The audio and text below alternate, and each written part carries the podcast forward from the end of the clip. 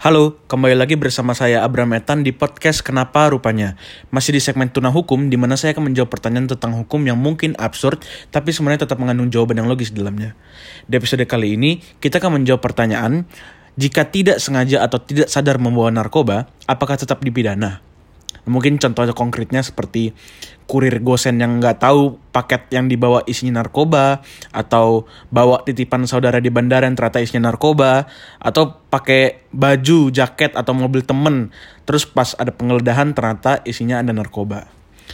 Nah sebenarnya penggeledahan itu dilakukan berdasarkan pasal 37 KUHAP, Kitab Undang-Undang Hukum Acara Pidana. Bunyinya, pada waktu menangkap tersangka, penyelidik berwenang menggeledah pakaian termasuk benda yang dibawanya apabila terdapat dugaan keras dengan alasan yang cukup bahwa pada tersangka tersebut terdapat benda yang dapat disita. Nah, dalam hal ini benda yang itu adalah narkoba yang terdiri dari narkotika, psikotropika, dan bahan aditif lainnya. Itu singkatannya. Pembidanaannya juga bergantung pada narkotika, narkotika golongan berapa yang didapat polisi di kantong baju kalian. Biasanya polisi sering kali pakai pasal pidana penguasaan narkotika kepada seseorang yang kedapatan membawa narkotika. Nah anggap aja narkotikanya golongan satu, itu tuh kayak opium, ganja, kokain. Nah itu diatur dalam pasal 112 ayat 1 Undang-Undang nomor 35 tahun 2009 tentang narkotika. Bunyinya kayak gini. Setiap orang yang tanpa hak atau melawan hukum memiliki, menyimpan, menguasai, atau menyediakan narkotika golongan satu bukan tanaman, dipidana dengan pidana penjara paling singkat 4 tahun dan paling lama 12 tahun, dan pidana denda paling sedikit 800 juta rupiah, dan paling banyak 8 miliar rupiah. Jadi lama banget ya. Jadi kalau ngelihat dari rumusan pasal di atas, kalian yang kedat kedapatan membawa narkoba atau menyimpan narkoba di kantong baju kalian bisa diancam dengan pasal ini karena tersimpan di kalian barangnya. Namun demikian, kalian bisa jadi lolos dari jeratan pasal 112 ayat 1 UU narkotika ini. Contoh kasus nyata terdapat di kasus perkara di Pengadilan Tinggi Sumatera Barat. Ada seorang terdakwa menyangkal tuduhan polisi karena ia memang tak tahu dari mana asal sabu yang ada di jaketnya dan bagaimana cara masuk sabu itu ke, ke kantong jaketnya.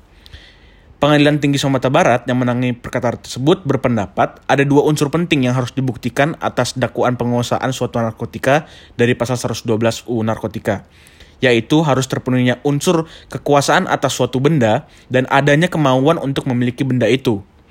Nah, atas dasar ini, hakim dalam putusannya membebaskan terdakwa dari jeratan pasal 112 UU Narkotika.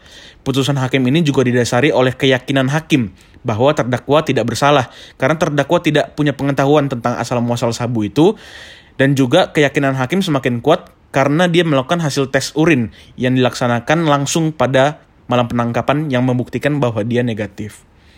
Nah inilah yang menjadi catatan kritis dari kelemahan UU narkotika. Undang-undangnya tuh nggak merinci dengan lengkap dari mana narkotika yang dikuasai itu diperoleh dan bagaimana cara seorang menguasainya. Undang-undang hanya menentukan ketika narkotika ditemukan berada dalam penguasaan seseorang, maka ia dianggap melawan hukum dan diancam pidana. Jadi iya, kalau kalian nggak sengaja atau nggak sadar membawa narkoba, kalian tetap bisa dipidana karena unsur pasal pidana narkotika ini fokus pada kata menguasai yaitu barangnya ada di kalian. Jadi, polisi ataupun penyidik bisa memindahkan kalian. Namun, tetap aja kalian masih bisa berupaya untuk membuktikan bahwa kalian tidak bersalah. Seperti tidak ada sidik jari daripada barangnya, tes urin, yang pada akhirnya akan mempengaruhi keyakinan hakim bahwa kalian tidak bersalah. Kira-kira seperti itu, jika ada kesalahan mohon dimaafkan karena saya tidak lebih dari seorang tuna hukum. Jika kalian suka konten seperti ini, jangan lupa share ke teman-teman kalian dan jika kalian yang mengajukan pertanyaan bisa melalui Instagram saya at underscore. Dan udah sih itu aja. See you in the next episode. Dadah!